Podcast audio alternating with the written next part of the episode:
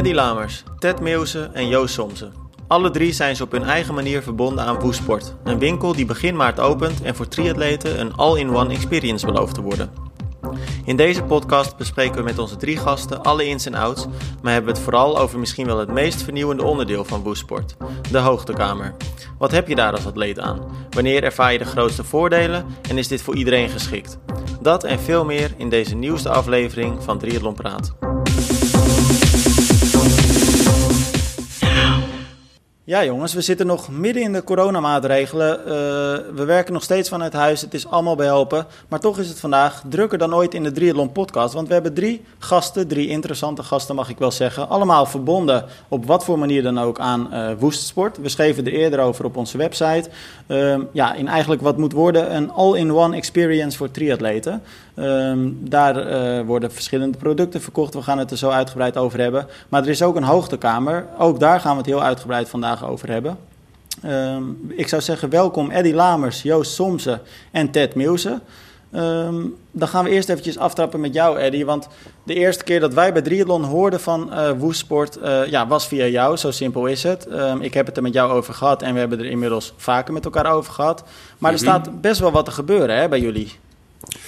Ja, er staat flink wat te gebeuren. Op dit moment uh, ligt uh, het pand echt helemaal overhoop. We zijn het hele pand aan het leeghalen. Uh, het gaat om ongeveer 2000 tot 2500 vierkante meter aan, aan winkel. Of eigenlijk is, wordt het meer dan een winkel. Het wordt meer een, een experience shop, noemen we het zelf. Hè. We zijn niet zo, niet zo gek op Engelse termen, maar dat, dat dekt wel de lading. een ervaringswinkel klinkt dan ook... ja, ja, dat klinkt dan weer wat minder, hè? Ja, precies.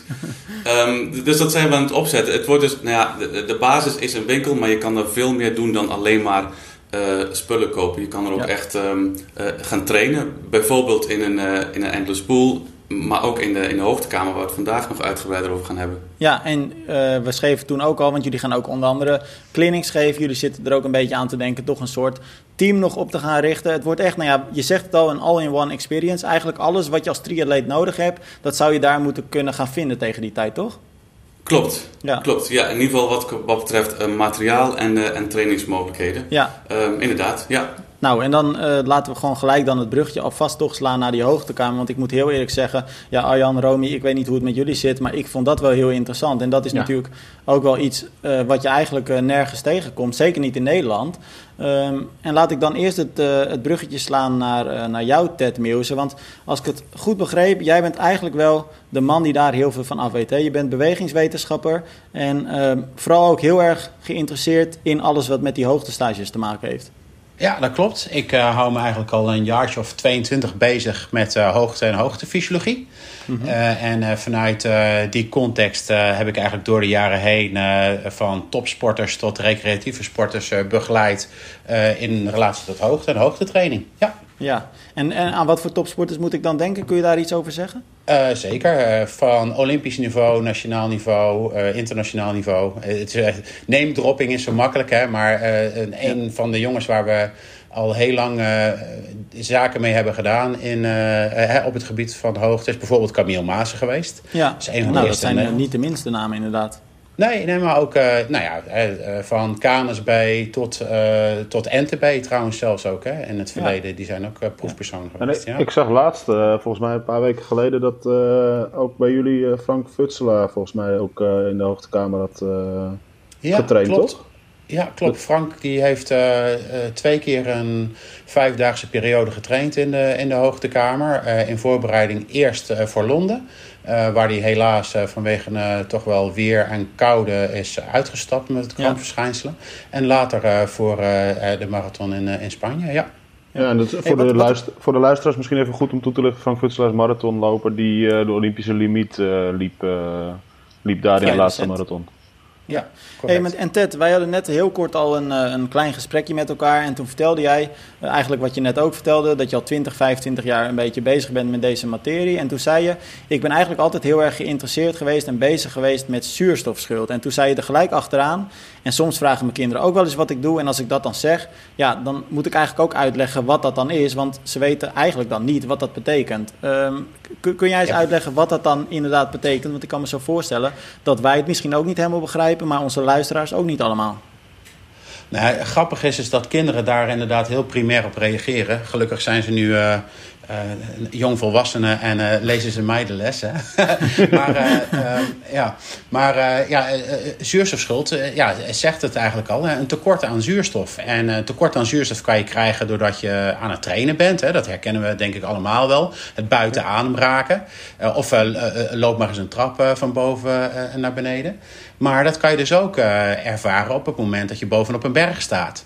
Nou, veel mensen die herkennen dat vast wel van vakanties. Uh, voor mensen die uh, fanaat skier zijn bijvoorbeeld. Maar zeker ook wel de serieuze sporter die zegt van... joh, ik ga op trainingskamp en ik ga naar hoogte toe. En je raakt dus buiten adem. En ja, ja dat buiten adem raken zorgt voor een tekort aan zuurstof. Zuurstofschuld. Ja. Maar dat is eigenlijk, kort gezegd, ook wat er in zo'n hoogtekamer gaat gebeuren, toch? Ja, correct. Uh, eigenlijk wat je doet is je gaat uh, daadwerkelijk naar een uh, vooraf ingestelde hoogte.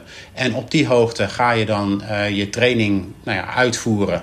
en je gaat weer herstellen op zeeniveau. En dat is het grote ja. verschil ten opzichte van nou ja, daadwerkelijk in de bergen trainen. En dan ook een hotel opzoeken wat ook hoog in de bergen blijft, blijft liggen. Ja. Ja. Is, dat, is dat zo? Zo'n groot, groot verschil. Want uh, ik zie altijd bijvoorbeeld, uh, uh, nou, volgens mij het short track team toen een keer de reportage in Vongremeu geweest. Hè. Dat, dat, kennen we ook wel van triatleten die daar gaan trainen. Ik weet dat Erik ja. van der Linden daar ook veel trainde. Is dat dan echt het verschil dat je als je in zo'n hoogtekamer traint, maar wel op C-niveau bent, dat je ook sneller herstelt van die inspanningen? Nou ja, zo zou je het kunnen verwoorden inderdaad. maar het is een andere filosofie. Um, um, ging men vroeger um, eigenlijk naar hoogte toe om veranderingen in het bloedbeeld uh, te bewerkstelligen. Hè? Je wil mm. meer, uh, ik noem dat altijd uh, heel populair, de vergentenloos in het lichaam wil je bevorderen. Je wil meer vrachtwagens in het lichaam hebben die zuurstof kunnen transporteren. Hm. daarvoor, daarvoor gingen mensen eigenlijk ja, veelal de bergen in, verbleven daar dan ook twee, drie weken. Je zag dan, ook dat een hormoon wat EPO heet, dat kent iedereen denk ik wel, ja. omhoog ging. En je daardoor ook daadwerkelijk meer rode bloedcellen kreeg. Het vervelende is alleen, en daar zijn we heel erg achter gekomen door heel veel wetenschappelijk onderzoek, nationaal en internationaal, is dat je dan ook wel merkt dat als je die uh, capaciteit toename krijgt, dus hè, die rode bloedcel toename, ja, dan komen die vrachtwagens ook meer in de file te staan op het moment dat je weer op zeeniveau komt. Dus je, je, je bloed wordt wat stroperiger, populair gezegd. En dus ook de rondstroomsnelheid. Nou, dus de conventionele manier van hoogtetraining, als je alleen voor het bloedbeeld zou gaan, daar gaat men steeds toch iets anders over nadenken. En uh, toen is, zijn er verschillende varianten gekomen. En een daarvan is bijvoorbeeld nu ook in de hoogtekamer. Je gaat kortdurend alleen naar hoogte toe. Daar doe je je training en je komt weer terug op zeeniveau. Dan mik je niet op dingen in het bloedbeeld. Maar je mikt puur op zaken die op spierniveau liggen. Dus, en wat is dan kortdurend, Ted? Is, moet ik dan aan een uur denken of aan drie uur? Wat, ja. wat is kort? Nee hoor, nee, nee, nee. Ma maximaal uh, anderhalf uur, één uur en een kwartier. Okay. Uh, maar uh, dat is echt afdoende. Dat is, dat is ja. meer dan genoeg. Ja. En, en over wat voor training hebben we het dan? Want gaat het dan om een, nou ja, een, een rustige training of gaat het om intervals? Of, of is dat een combinatie van? Nou, dat is wel een, een interessante en goede vraag. Want um, daar zou je heel erg in kunnen variëren op het moment dat je ja, mensen in de Kamer traint die misschien ook wat meer ervaring gaan hebben of krijgen daarin. Maar je moet je eigenlijk zo voorstellen dat als je, laat maar even plat zeggen, bovenop die berg staat, dan moet je überhaupt wel wat meer je best doen om je, om je inspanning te leveren. Ja. Dus uh, eigenlijk zou je met een relatief lage inspanning een grotere efficiëntie kunnen halen op het moment dat je in een, uh, in een kamer traint. Met andere woorden, rustig aan in een kamer trainen komt eigenlijk overeen met uh, ja. een intervalvorm op zeeniveau. Okay. Maar dat is dus eigenlijk ideaal voor mensen die of weinig tijd hebben of blessuregevoelig zijn. Toch? Ja, uh, helemaal waar. en um, um, de, blessuregevoeligheid, met name op het moment dat je hoge snelheden zou moeten halen of wat dan ook, ja, dat, dat hoef je in een kamer absoluut niet te doen. Zou je wel kunnen doen, hè? dus ook daar zou je uh, hoog intensief high intensity trainingen kunnen, kunnen doen. Maar dan ga je weer een stapje verder, maar dat is eigenlijk vanuit het basisprincipe niet nodig. Nee. Maar dan kan ik me ook zo voorstellen dat als je, uh, nou ja, neem een gemiddelde recreant, een gemiddelde aidsgroeper, die zegt van oké, ik ga dat eens proberen, ik ga een uur uh, daar op hoogte trainen. Um, en ik ga dan voor een, nou ja, een, een, zeg maar op, op papier redelijk rustige training, die dus in de praktijk een stukje zwaarder zal uitvallen, omdat je dus op die tussenhaakjes hoogte uh, traint. Ja. Um, komt die dan ook helemaal uit, afgepeigerd uit die, uit die kamer of voel je je dan nog wel oké okay na zo'n training? Uh, nee, uh, als het goed is moet je je uh, daarna best wel oké voelen. Nogmaals, we hebben het dan, hè, wat je net schetst, Tim, over een recreant. Die ga je dus laag intensief belasten. En dan kan je hem of haar gewoon dat uurtje in de kamer laten trainen. En ja, optimaal zou zijn om dat vijf dagen achter elkaar te doen. Okay. dan heb je echt een hele mooie boost. Die topsporter, die, die toch wat meer de grenzen op gaat zoeken die iets meer begeleiding ook uh, nodig heeft, die kan je toch wel ietsjes meer uitwringen. En dan kan je het ja. randje wat meer mee opzoeken. Maar nogmaals, dat is niet per se nodig. En in beide gevallen, zowel recreant als uh, topsporter, geldt dan dat het het beste rendement wordt gehaald uit vijf trainingen? Of is het bij een profsporter dan toch bijvoorbeeld dat, je, dat het misschien beter is als je twee weken of, of misschien nog wel langer dat doordoet? Nou ja, we hebben daar begin tweede, tussen 2000 en 2010 uh, behoorlijk wat onderzoek naar gedaan. En we, we zijn begonnen met tien dagen achter elkaar te trainen in een, in een hoogtekamer. Maar we kwamen er eigenlijk al snel achter dat een dag of vijf wel het rendement geeft waar je naar zoekt. Um, en um, dus, dus uh, zou, je die zou je die tijd verdubbelen, dan zag je niet dat mensen dan ook twee keer zo, uh, zo goed die kamer uitkwamen. Nee. Dus, en, en, ja, in beginsel was dat wetenschap. En op een gegeven moment was het ook door schade en schande, door heel veel groepen en heel veel atleten, triatleten, nou ja, schaatsers, noem alles. We hebben eigenlijk alle sporten wel gehad. We kwamen er door schade en schande eigenlijk achter. Ja, Romy, wat wilde jij vragen? Ja, er, er, verandert dus niks in je, in je bloed. Uh, ja, in je bloedsysteem, zeg maar, als, je, als ik het zo mag zeggen. Um, betekent dat ook dat het effect dan, dat je langer effect houdt van die training? Want normaal, als je een normale hoogtestage, dan, als ik het goed zeg, gaat je hemotocriet omhoog, geloof ik. Hè? Dus je krijgt meer rode bloedlichaampjes. Zeg ik dit goed? Alsjeblieft zeg het als ik het fout zeg. Maar is dat in dit geval dus helemaal niet? Dat gebeurt niet. Het is gewoon puur dat je, dat je training hebt kunnen doen die je anders misschien niet had kunnen doen? Nou, de, uh, het hematocriet waar je net over had, Romy, dat, is, uh, dat zijn die vrachtwagens die in de file komen staan. Ja. Uh, dus inderdaad, hematocrietwaarde, hè, wat dan ook altijd gemeten wordt, is een maat van, laat maar plat noemen, de stroperigheid van je bloed. -hmm. En op het moment dat je meer rode bloedcellen um, uh, in het bloed krijgt, um, dan wordt je bloed wat stroperiger. Um, als het goed is, moet je proberen dat een beetje zien te voorkomen overigens. Want dat, dat zou jammer zijn. Want die rondstroomsnelheid van het bloed moet je in orde houden. Uh, in een kamer, als je uh, vijf dagen traint, zie je ook wel... Zagen we ook, uh, dat moet je dan wat duur zeggen, significant. ook wel verschil in, in bloedwaardes. Maar dat is niet waarom je in een kamer gaat trainen. Dat, is, dat was gewoon bijvangst. Okay. En dat heeft gewoon puur te maken... Um, uh, ja, dat je toch in die zuurstofarme omgeving aan het sporten bent. Hè. Je krijgt een dubbele tik. Uh, en van de inspanning van het sporten en van de hoogte. Dus dat bloedbeeld, daar gaat echt wel wat aan veranderen. Maar waar je op mikt, zijn veranderingen uh, met name op spierniveau. Die we ook op, met biopten en zo hebben weten aan te tonen. en waardoor je eigenlijk, plat gezegd, ja, je wordt iets krachtiger. Daar komt het op neer.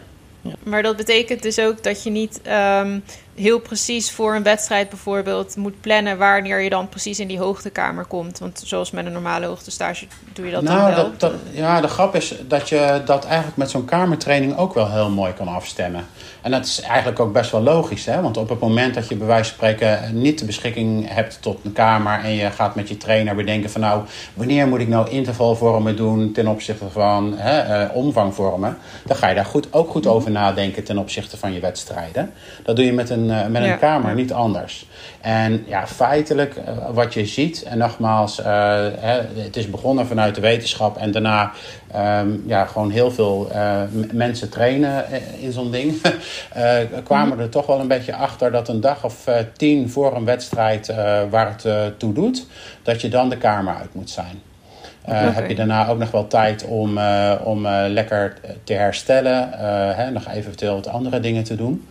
Eh, maar ja, keer op keer kwamen we daarop terug. En nogmaals, onafhankelijk van de sportaard was het wel zo van, nou ja, uh, 9, 10 dagen van tevoren moet je je trainingen gedaan hebben in de kamer en dan, dan komt het goed. Ja. En dan heb je het dus eventjes voor de duidelijkheid inderdaad over een stuk of vijf van die trainingen.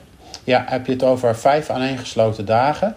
ehm, eh, liefst. En eh, nou ja, dan variërend eh, afhankelijk van de sportaard. Hè. Natuurlijk kan je je voorstellen dat het voor een, nou je had het net over Frank Futselaar, dat het voor een loper ingewikkelder is om een uur en een kwartier op een loopband te lopen dan dat je een uur en een kwartier op een fietsergometer zit. Maar je, je moet wel aan die omvang denken. Een uur en een kwartier is echt zat. Ja. Joost, hoe, eh, hoe zijn jouw eerste ervaringen? Want jij bent hier eh, nou ja, veruit de meest, de, de meest succesvolle, beste sporter eh, in dit gezelschap. En ik denk dat jij je eerste training al wel afgewerkt hebt op, op die nou ja, hoogte. Ja, zeker. Ik heb ehm, twee keer echt een stage gedaan. Eén keer op de fiets en één keer met hardlopen. En ook nog een paar losse sets. En dat is wel grappig, want de eerste keer dat ik het deed was een vijfdaagse stage dus, op de fiets. En die eerste paar dagen had ik echt het gevoel dat ik een, eh, een deel van mijn longen miste bijna.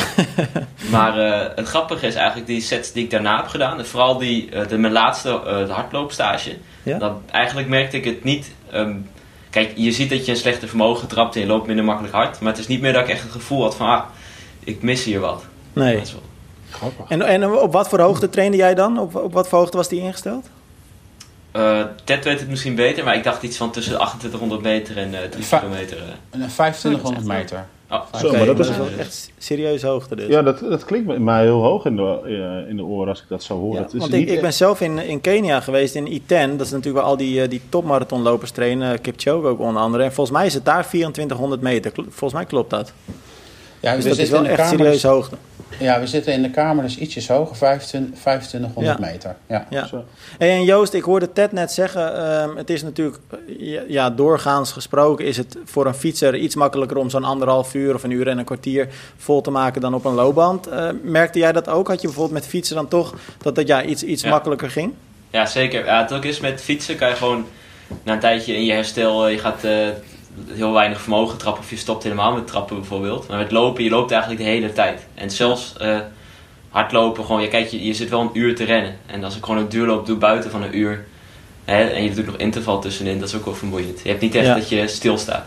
Nee. Hey, en ik hoor eh, zo via via, en ik, ik we volgen jou natuurlijk al langer, maar ik hoor ook wel eens af en toe via andere atleten wat, eh, wat over jou. En dan hoor ik toch wel gemiddeldes voorbij komen waarbij eh, nou ja, mijn mond in ieder geval openvalt. Je, je bent wel echt sterk op de fiets. En dat heb je ook onder andere bij Ironman Maastricht weer laten zien dat je gewoon goed bent op de fiets. Met het lopen ja, ben je misschien eh, nog net niet op het punt waar je wil zijn, denk ik. Verbeter me vooral als, ik het, als je het anders ziet. Nee, zeker Ehm, waar. Ja. Ja, toch? Maar merk jij dan nu ook dat je, als je nu je rondjes buiten fietst, ik, ik weet niet of je dat doet, ik denk het wel, eh, maar dat je dan al, mer- merk je al profijt van die, van die twee stages en die paar losse sets die je dan gedaan hebt? Ja, ja ik, heb, eh, ik merkte met het fietsen heb ik eigenlijk ook een beetje met, met Woest we ook bedacht dat we los van alle prachtige onderzoeken van Ted en zo ook eh, gewoon kijken hoe dat vertaalt naar die atleten zoals ze bij Woest komen als het ware. Dus Ja. ik heb ook voorgaand aan de hoogtestage een FTP-test gedaan na de tijd.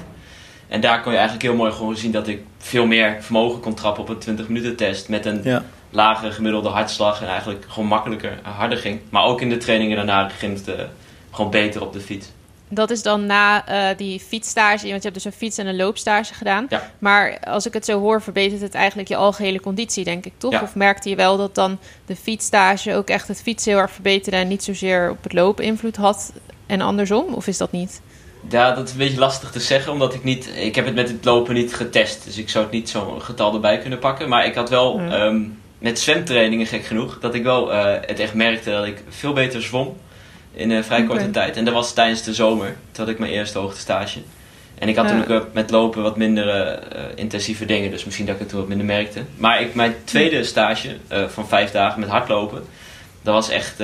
dat hebben we specifiek met hardlopen gedaan dus. En eigenlijk het, de verbetering die je daarvan merkte was echt... eh, bij mij echt, voor mijn gevoel ook echt enorm. eh. Ja. Oké, want is het dan normaal voor, voor andere triatleten die niet eh, twee keer een hele stage van vijf dagen willen doen, is het dan slim om het lopen en het fietsen bijvoorbeeld af te wisselen? Of ja, is het sli- slimmer om alleen maar te fietsen, omdat lopen ja, meer van je belastbaarheid zeg maar ook vraagt? Eh, ja, dat, dat is misschien ook een betere Wie vraagt vraag gewoon niet? Maar vraagt als ik het zelf zou moeten zeggen... ehm, je moet wel vijf dagen eh, kunnen hardlopen. Terwijl vijf dagen achter elkaar dat je Ja. een uur lang loopt. Ja, dat dus kan dat is niet wel, iedereen. als jij weet dat je heel bestuurgevoelig bent, dan kan je ervoor zeggen dat je misschien gaat fietsen. Maar daar heeft Ted misschien wat Mhm. beters over te zeggen. Nou ja, ik ik sluit me daar hartstikke bij aan, Joost. Op het moment dat je als atleet zijnde van jezelf weet van nou, ik vind vijf dagen achter elkaar lopen sowieso ingewikkeld, dan zou je eh, beter kunnen kiezen om te gaan fietsen. Eh, ik vind het wel een interessante gedachte, Romy, overigens om eh, fietsen en lopen af te wisselen. Dat is eh, wereldwijd eh, nog niet gedaan, volgens mij.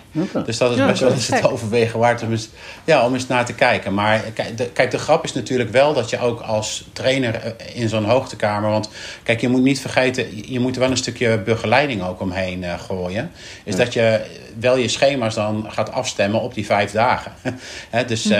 het mogen niet allemaal losse flarden zijn... maar er moet wel een, een, een opbouw zijn in die vijf dagen. Maar het is best interessant om daar eens over na te denken. Om dat Ik zit, te ik, zit, ik zit eens verder na te denken, Ted. Eh, ik weet niet of het mogelijk is ook, maar ik hoorde natuurlijk Eddie zeggen in het begin... er staat ook zo'n eh stromingszwembad, eh, zoals we dat noemen. Zo'n, eh, kan je er daar nog overheen zetten, zo'n kamer? Ik weet niet of het groot genoeg is.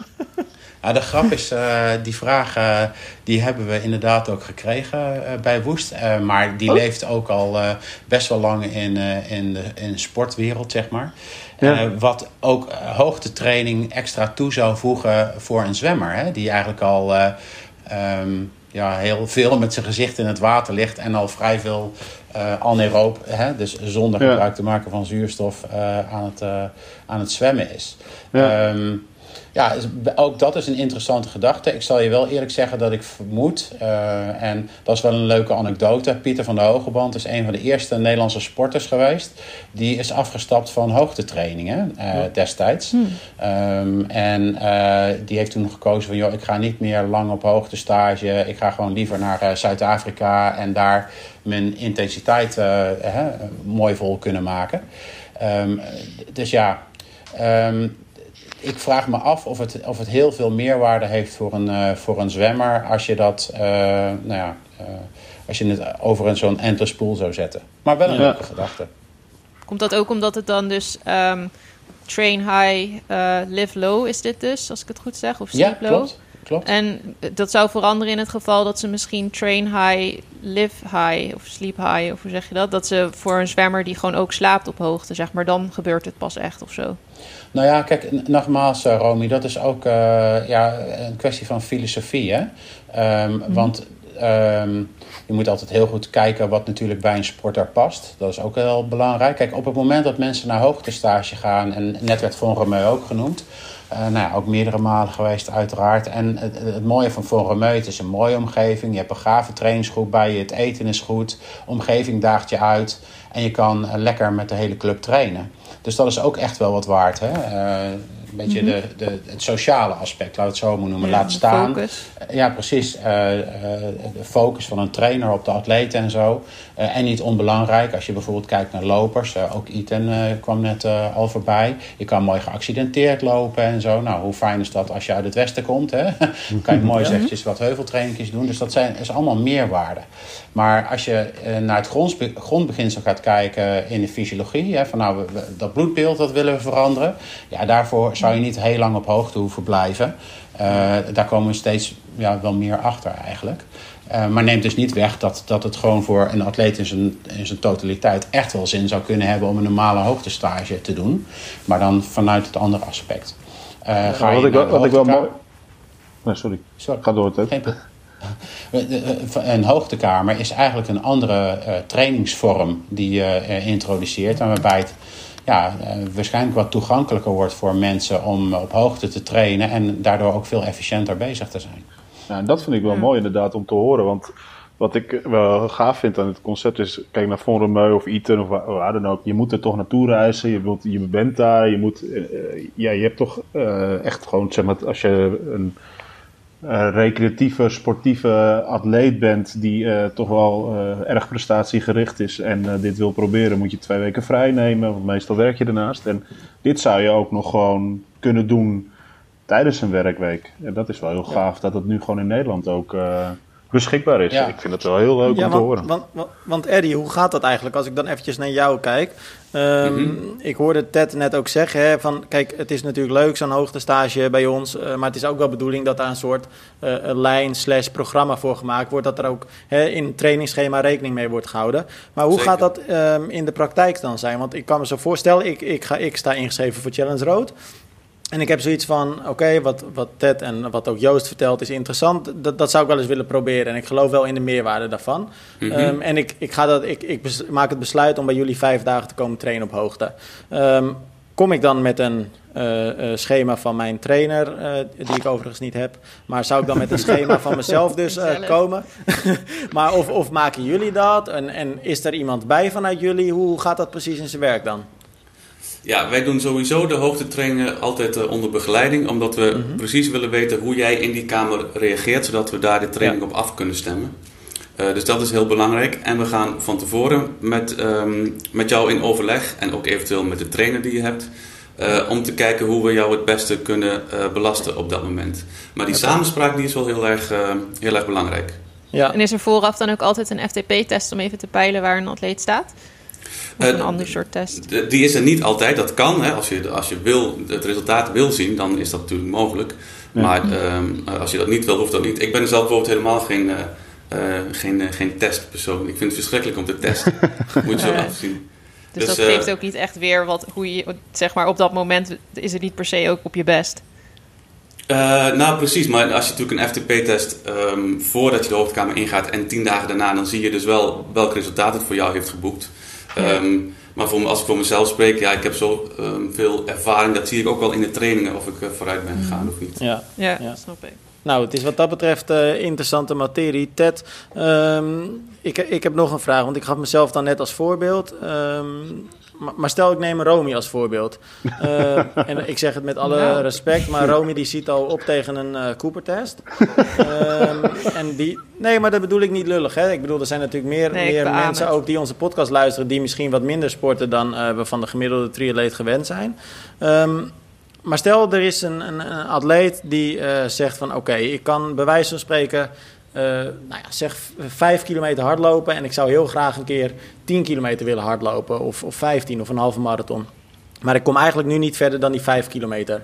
Heeft het voor dat soort atleten nou ook zin om dan inderdaad bij Woesport langs te komen en eh, z- zo'n hoogtestage te doen? Of misschien wel een, een losse set? Of heeft het voor dat soort atleten dan eigenlijk te weinig eh, effect? Ja, je kan je afvragen of, je, eh, of dat. Ehm, kijk, het heeft altijd effect. En dat zou ook te makkelijk zijn om daar dan ook mee eh, eh, te pochen, zeg maar. Hè? Want op het moment dat iemand eh, niet zoveel eh sport. en je gaat van die persoon toch vragen: van joh, nu, nu kom je in één keer vijf keer in de week wel bij ons sporten. dan ga je überhaupt vooruit. Ja, En, en, heeft die Kamer dan eh, no- nog een klein beetje toegevoegde waarde ook nog. Maar ehm, het wordt natuurlijk leuk op het moment dat je van jezelf doorhebt of je vooruit gaat. Dus wat mij betreft maakt het niet uit of je 5 kilometer of 10 kilometer of hè, hele triathlons loopt. Als je van jezelf eh, goed kan waarnemen of je vooruit gaat in je eigen prestatie. Of dat doet met een testje, of je, je doet toch met andere sporten die ervaring op. Nou, wat Eddie net zelf aangaf over hemzelf. Van, nou, ik merk het wel aan mijn trainingen. Dan vind ik het leuk dat je dat op die manier gaat ervaren. Eh, maar feit, feit blijft wel natuurlijk. Hè, je moet wel vijf dagen achter elkaar sporten. Ja. Hoe is dat nu voor jou dan, Joost? Want je noemde net al, je merkt echt heel erg nu al die vooruitgang. Je hebt je, eh, je FTP omhoog zien schieten. Eh, maar dan zijn er eigenlijk nog steeds geen wedstrijden waarin eh, je jezelf kan laten zien. Is dat lastig voor je als topsporter? Eh, nou, ik, ja, ik had geluk dat mijn eerste fietshoogtestage die viel net voor Almere Duin, Maastricht Ah, en Enka onder 23. Ja, En alle drie ging het fietsen wel goed. Ja. En mijn loopstage had ik een eh, online 5 kilometer challenge die ik eh, kon doen. Dus, oké. Maar Toen ging je geloof ik onder de wel echt 15 wel- ook, hè? Sorry? Toen ging je onder de 15 minuten, geloof ik, hè? Ja, ja sub 15. eh, dus dat Ja. En, Tim, dan zeg jij dat zijn loopniveau nog wel omhoog kan. Onder de ik, ik 15. inderdaad, want, ik, ik, want nu Joost dat inderdaad zegt, toen bedacht ik me ineens, inderdaad, Zo. hij was ook toen een van die vijf atleten die Ja. onder die 15 minuten dook. Dus dat Precies. lopen, dat is al aardig vooruit gegaan. ja, maar nu nog tijdens de triathlon. ja, ja, ja, maar dat Ja. komt vanzelf, toch? Ja, Maar- daar heb ik wel vertrouwen in. Maar inderdaad, ik hoop eh, dat eh, volgend jaar toch wel echt eh, wedstrijden zijn dat je Ja. kan laten zien. En ik hoop ook eigenlijk een keertje, als, dat, als er ruimte is bij Woest natuurlijk, dat ik eh, een keertje vlak voor een wedstrijd dit kan doen. Ja, Ja. maar Toen voor jou maken ze wel ruimte, toch, Eddie, of niet? Sorry, ik kon je niet verstaan, Tim. Wat zei je? Voor Joost maken, ze wel, maken jullie wel ruimte dan, toch? Nee, zeker. Het- Bovendien is het bij Joost makkelijk omdat hij in de buurt woont. Ja. Ehm, ehm, maar goed, er zijn ook heel veel mensen eh, waarvoor het ook interessant is die wat verder eh, wegkomen. Ja. Ik wil nog heel even terugkomen, want dat is nu al een paar keer gezegd. Want we hebben het telkens over een vijfdaagse gehad. Eh, maar ik kan me ook voorstellen, er zijn heel veel mensen, met name eh, hardlopers of mensen die alleen willen gaan hardlopen, waarvoor vijf dagen achter elkaar misschien te belastend is. Eh, het is ook prima om daar twee ehm, rustdagen tussen te doen. Dus dat je die vijfdaagse binnen zeven dagen doet. ja. Dan heb je nog steeds eh, hetzelfde effect, zeg maar. Nou, Ja. grappig, Ja. ja. Ja, dan kan je het ook een beetje opknippen. Ja. Nou ja, ik denk dat wij het, ik- ik- Romy, ik denk dat wij het moeten gaan doen voor onze triathlon.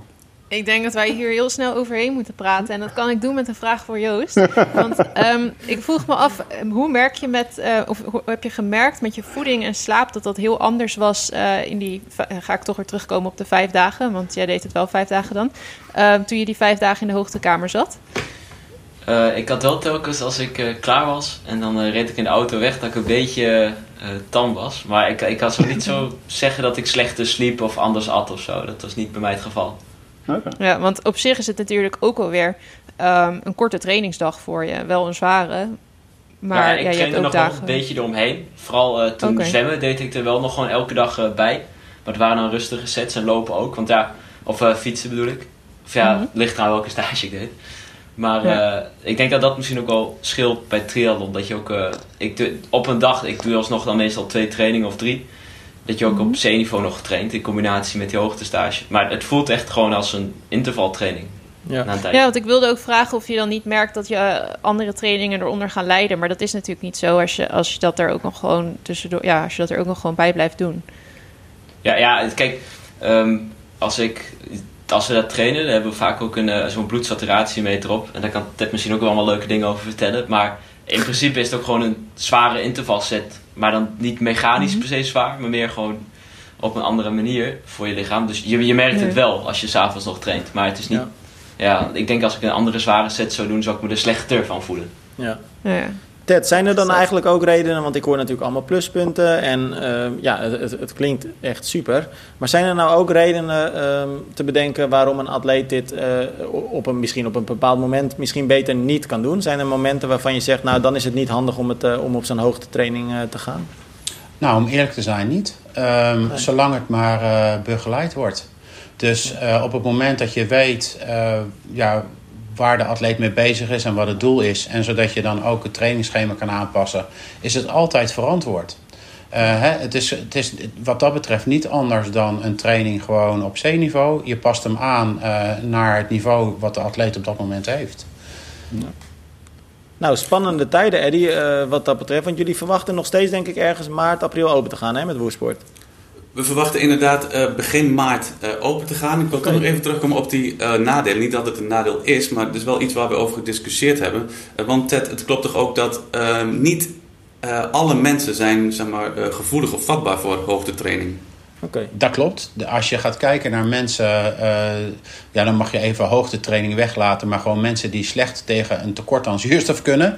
eh, grofweg tussen de 7 en 10 procent van de mensen, hè, normale populatie is dat.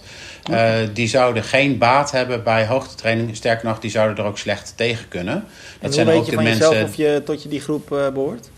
Ja, dat is, dat, is, eh, dat is een grappige vraag. Want eh, op het moment dat je met sporters te maken hebt, kan je dat makkelijk testen. Op het moment dat je eh, voor het eerst op hoogte bent en je gaat aan het individu meten, kan je aan de waardes wel zien, onder andere aan saturatiewaardes, of mensen, noem het maar, gevoelig zijn voor hoogte of niet. Ehm, maar misschien herkennen jullie dat ook wel van jezelf op het moment dat je naar hoogte gaat. Dat je het in het beginsel eerst even slecht hebt. En denkt van, jee, ik heb toch wel een beetje hoofdpijn of wat dan ook. Hè? Dan denk ik aan mijn eigen skivakantie op 3000 meter Ja. hoogte. En dan merk je toch dat op een gegeven moment eh, het een stuk beter wordt. De mensen die vanaf dag 1 geen problemen hebben, die moet je eigenlijk het meest in de gaten houden. Want dat zijn eigenlijk de mensen, dat, ja, dat zijn eigenlijk de mensen die er eh, misschien niet zo goed tegen kunnen. Dus eh, En geldt dat dan ook? Ja, ik wil het niet te veel op mezelf betrekken, of eigenlijk helemaal niet. Maar dat is echt puur uit interesse dat ik dit dan vraag. Want zoals ik net al zei, ik ben in, eh in I10 geweest. En dat is volgens mij 2400 meter. Ehm, Mhm. Ik heb daar helemaal nergens last van gehad. Eh, dan ben ik dus misschien wel een van die mensen die even op moet gaan letten. Nou ja, ik, ik heb dus geen idee, Tim, of, of er überhaupt wat gemeten is ook aan je lichaam. En of je ook Nee, gekeken nee. hebt naar de prestatie voor en na. Uh, Maar uh, nou ja, goed, uh, ik heb voorbeelden wel zat uit, de, uh, uit topsportland. Dat mensen die we in het verleden op hoogte wel op dag 1 gingen meten. Dat we zeiden van nou kerel, dit gaat hem niet worden voor jou op deze OS. Want Oh ja. je kan gewoon absoluut niet tegen hoogte. Um, maar, maar goed, jij bent wel een tijd in ITN geweest en je hebt er lekker kunnen rennen. Dus dat geeft toch aan dat je er dan denk ik toch wel goed tegen kan. Ja. Uh, maar goed, nogmaals, uh, ja, dan, dan moet je toch ook wel iets meer uh, weten van de persoon en ook iets Ja, meer uh, data hebben. Ja. Ja. Maar heb je dan ook niet minder effect als Tim er zo goed tegen kan, bijvoorbeeld? Ja, dat zou kunnen, ja. Dat zou absoluut kunnen. Ja. En dan kan je Het namelijk is wel ook echt afvragen. interessante materie hoor. Ja. Ja, je, je- je zou je dan ook af kunnen vragen of je dan misschien toch niet ook op een iets andere manier belast eh, had kunnen worden of zo. Hè? Ja. Eh, maar het, weet je wat het leuke van ITEN is? Dat vind ik wel. eh, nou, we wijken natuurlijk af van, van de Kamer. Maar kijk, wat het mooie daar is, is dat je gewoon zo gaaf kan lopen. Ja. Hè? Eh, ehm, nou ja, ik eh, woon bijna op de postbank, dus ik, eh, ik, ik prijs me gelukkig.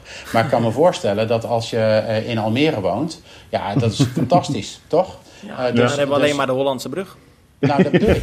Dat bedoel En de dijk. En, dus, en, En de en die dijk. tien keer, tien keer op of af, dat is best wel saai. Maar, Ja, ja. Op, het moment, maar op het moment dat je dan daardoor het mooie landschap loopt, eh, dat, ja, dat is gewoon gaaf. Ja. Dus, ehm, dus dat moet je ook wel even in het achterhoofd houden. Maar eh, even terugkomend bij de opmerking van Eddy. Er zijn absoluut mensen bij die eh, slecht tegen eh, hoogte kunnen. Maar dat zijn ook mensen die heel slecht tegen intervalvormen kunnen. Die heb je. Oh ja. ja. Oké. Ja. Nou, en er zijn misschien ook nog wel mensen die een beetje op zouden kunnen zien tegen überhaupt een uur, anderhalf uur indoor trainen. Want die heb je ook nog triatleten die zeggen van ja, dat, dat vind ik echt helemaal niks. Dat is eh, voor mij te geestdodend. Ja, ja dat, dat snap ik echt wel. Maar de grap is dat je eh, ook buiten de kamer... je kan zulke leuke programma's bedenken en maken... om eh, elkaar scherp te houden en het ook leuk te houden. Dat eh, zo'n uurtje, maar goed, dat zou je aan de atleten moeten vragen... die eh, al getraind hebben. eh, dat zo'n uurtje zo snel voorbij gaat... eh, dat je eigenlijk de dag erop weer snel terug wil komen. Ja. Hoe kijk jij daarna, Joost? Klopt dat? Ja, dat is goed dat eh, Ted dat zegt. Want wat ik ook nog wil zeggen is eigenlijk van die eh, dagen die ik heb gedaan, vooral de, de weken, die waren echt heel leuk. Ook gewoon omdat je vaak met eh, andere mensen daar bent, je hebt er iemand erbij. Maar ook de Ja. schema's van Ted zijn echt heel, heel interactief en heel, heel leuk. Weet je, het is niet dat je daar zit en zegt, oh nu 10 minuten dit, 20 minuten dat of zo. Nee, het is allemaal heel, eh, heel leuk ingedeeld. De, de, eigenlijk de tijd vloog bij mij telkens heel snel, ging, Ja. heel snel. En wordt dat schema ook nog wel eens dan aangepast terwijl je op de fiets zit of op de loopband staat, omdat eh, ja, jij Ted ziet dat het toch waardes eh, veranderen of zo, dat je denkt dit moet toch iets minder of iets meer? Zeker. Want eh, ja, het is goed dat je dat benoemt. Want ja, je kan er ook wel eens naast zitten.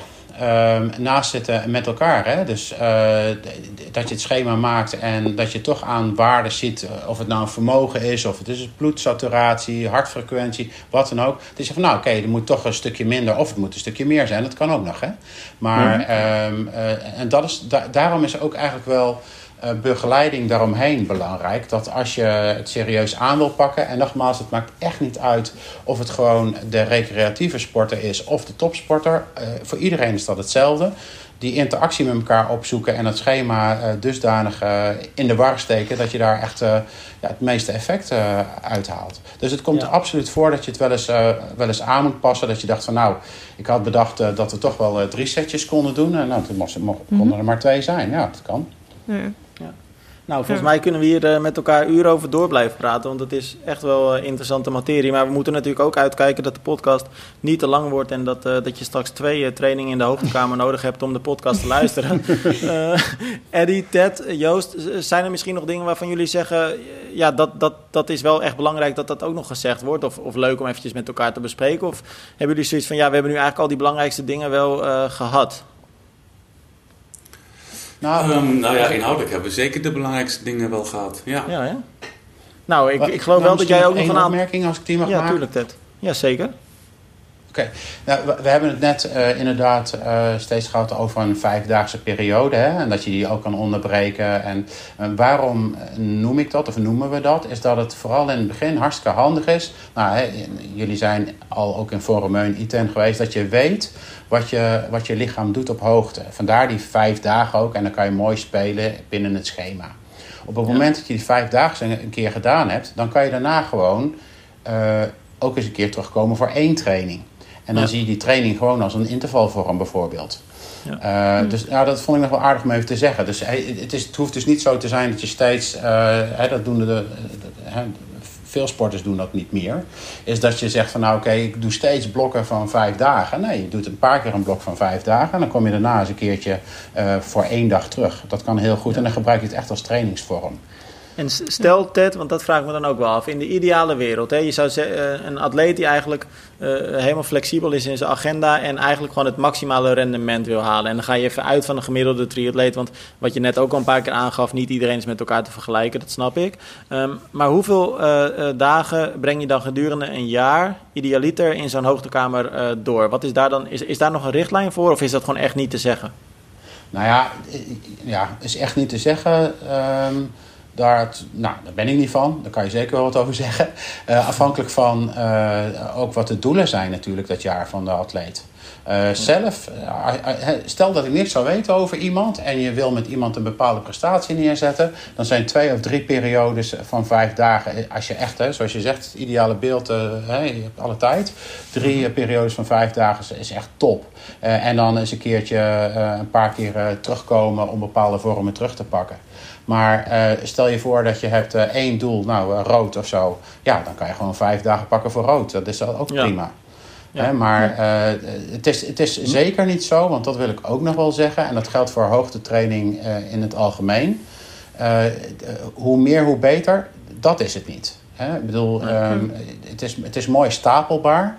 want dat is ook nog wel verschillend ten opzichte van de conventionele hoogtetraining. Um, maar het is, niet meer hoe, het is niet hoe meer, hoe beter. Nee. En wat ik eigenlijk nog wel het grappigste verschil uh, ten opzichte van wat volgens mij heel uh, gangbaar is om te denken, is dat. Maar corrigeer me ook als ik dat fout heb. Ik heb het idee dat mensen, atleten, heel vaak denken dat het heel gebruikelijk is om een hoogtestage ergens in de winter slash voorjaar te gaan doen. En daar wordt eigenlijk ook helemaal van afgestapt met dit idee. Met dit ja, concept. zeker. Zeker. En waarom wordt er uh, in het voorjaar of in de winter uh, vaak ook een hoogtestage gedaan? Omdat uh, nou, gelukkig uh, is er steeds meer, althans dat vind ik dan hè, als vakidioot. Uh, hè, train high, live low, dat, dat vind ik fijn. maar op het moment dat je toch zegt, ik blijf langdurig op hoogte, dan moet je zo terug in je trainingsintensiteit. Ja. Hè, je slaapkwaliteit gaat ook naar achter en zo. Maar je, dus, dus dat betekent dat je in de winterperiode daar niet zo'n deuk van oploopt.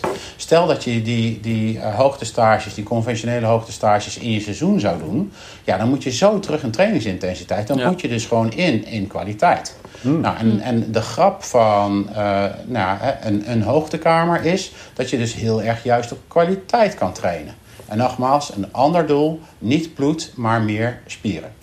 Ja, Nou, interessant toch, Arjan, Romy, of niet? Ja, ik, uh, ja heel interessant. Ik, heel eerlijk, ik, uh, ik, als, ik als ik nog triatleet was, dan zou ik zo in zo'n hoogte, zou ik zo'n hoogtestage zoals Joost gedaan heeft, zeker willen proberen. Niemand, niemand, houdt je tegen, Arjan, om triatleet weer te zijn. Nou ja, ja dat is een andere discussie. Maar jo Joost, heb jij het is een beetje een raar jaar om echt een, al een kalender of zo te hebben. Maar um, mocht je die al wel hebben, heb je dan bepaalde piekwedstrijden in je hoofd... waarvoor je dan uh, zo tien dagen daarvoor zeg maar weer zo'n stage zou doen van een aantal dagen... of misschien zelfs maar één dag? Uh, ja, dat is inderdaad dus heel lastig, omdat het uh, nog met de wedstrijden lastiger is. Maar als ik bijvoorbeeld een, een NK half en zo, dat soort wedstrijden... Als ik daar bijvoorbeeld zo'n voorbereidende hoogtestage had kunnen doen, ik denk dat dat wel serieus verschil kan maken. Ja. ja, dan zie je zelf misschien, uh, ik zeg maar, drie keer, vier keer in het jaar, uh, wanneer er een belangrijke wedstrijd is, dat doen. Ja, ik denk dat dat ook uh, los van fysiek ook een mentale boost zal geven. Dus ja. ja. dat zou heel mooi zijn. Heb jij het WK in Almere ook nog op je kalender of op je, in je vizier staan? Of heb je dat een beetje, is dat niet ook echt een afstand die bij jou gaat passen straks? Nee, nee, nee, totaal niet mee bezig geweest. Maar volgens mij zijn er ook geen uh, afstanden die mij uh, echt liggen, volgens mij. Ja, ik dacht misschien zo'n zo'n zo'n uh, sprint, dat het nog wel bij je past. Oh, ja, ik heb ook heel, heel slecht verdiept in Almere als ik heel eerlijk ben. Dus. Oké, dat is wel een beetje erg, Joost. nou jongens, ik wil jullie namens ons allemaal heel erg bedanken. Um, Eddie, nog één vraag aan jou. Want ik kan me zo voorstellen dat, uh, ja, dat, dat luisteraars dit heel interessant vinden, uh, maar tegelijkertijd dat het ook een lastig onderwerp blijft om nou uh, te beseffen van, hé, is dit iets voor mij en ga ik hier wat aan hebben? Ondanks dat jullie het heel duidelijk hebben uitgelegd. Um, er zijn ook een aantal websites geloof ik, hè? natuurlijk Woesport, waar je meer informatie kan vinden. Maar jij stuurde mij er straks nog een aantal websites door. Altitudechamber.nl en diebergiser.nl. Wat kun je daar allemaal vinden? Ja, ze verwijzen alle drie naar dezelfde site, dus op zich oh, maakt het er niks uit. Maar het is een site, inderdaad de site van uh, Woestsport. En um, een onderdeeltje daarvan is, die gaat helemaal over de hoogtekamer. Daar vind je ook uh, Q&A's en allerlei andere dingen uitgelegd over de hoogtekamer. Um, die kan je daar ook uh, vinden. En als je dan op altitudechamber.nl inderdaad, dan kom je daar rechtstreeks uit. Ja, en dan heb ik toch nog één vraag en die schiet me eigenlijk nu last minute uh, te binnen, Eddy. Um, maar het staat ongetwijfeld ook op de website. Maar uiteindelijk blijven we toch allemaal Nederlanders. En uh, ook al hebben triatleten doorgaans wel uh, wat over om ja, toffe gear te kopen, maar ook dit soort trainingen af te werken. Wat gaat het kosten als je nou bijvoorbeeld zo'n hoogtestage wil gaan volgen? Zeg vijf dagen dan, omdat we het daar zoveel over gehad hebben. Ja, we beginnen inderdaad met een vijfdaagse en dus helemaal terecht dat je die vraag stelt. Um, en het hangt er een beetje van af met uh, hoeveel personen je komt. Okay. Uh, we moeten ook een beetje nog eh, de ontwikkelingen van corona afwachten, hè, of het wel mogelijk is. Maar de, de ruimte is in principe groot genoeg om met drie personen in zo'n kamer te trainen. Okay. Uh, dan hebben we het over het fietsen. En dan zou je dat zeg maar um, zo'n 330 euro per persoon gaan kosten. En dat is dus een complete vijfdaagse inclusief begeleiding en gebruik van onze apparatuur en alles erop en eraan. Ja, oké. Okay. Um, en later komen we ook nog zelfs met, bij Woest met dat je lid kan worden van Woest en dan krijg je nog uh, korting daarop. Maar dat zijn ongeveer de richtprijzen. Ja, nou goed om te weten. Wij, uh, wij gaan jullie de komende tijd zeker blijven volgen. We zullen ook bij jullie uh, opening aanwezig zijn. Zullen daar ook uh, een hopelijk tof item gaan maken. Niet alleen over die opening, maar zeker ook dan over de hoogtekamer. En ehm, nou ja, ik zou zeggen, mochten er luisteraars zijn die toch nog vragen hebben, die jullie misschien ook niet kunnen vinden, toch onverhoopt op de website. website moet ik zeggen van Boesport. nou ja, ik zou zeggen, schoon niet om ze ook aan ons te stellen. Dan zetten wij ze gewoon door bij Eddy en of Ted. En dan gaan we zeker het antwoord ook aan jullie geven. Jongens, nogmaals hartelijk dank dat jullie bij ons aanschoven om, om dit verhaal te vertellen. En dan hebben we snel contact met elkaar. Tot de volgende keer. Hoi. Yes, bedankt. Bedankt. Dank je.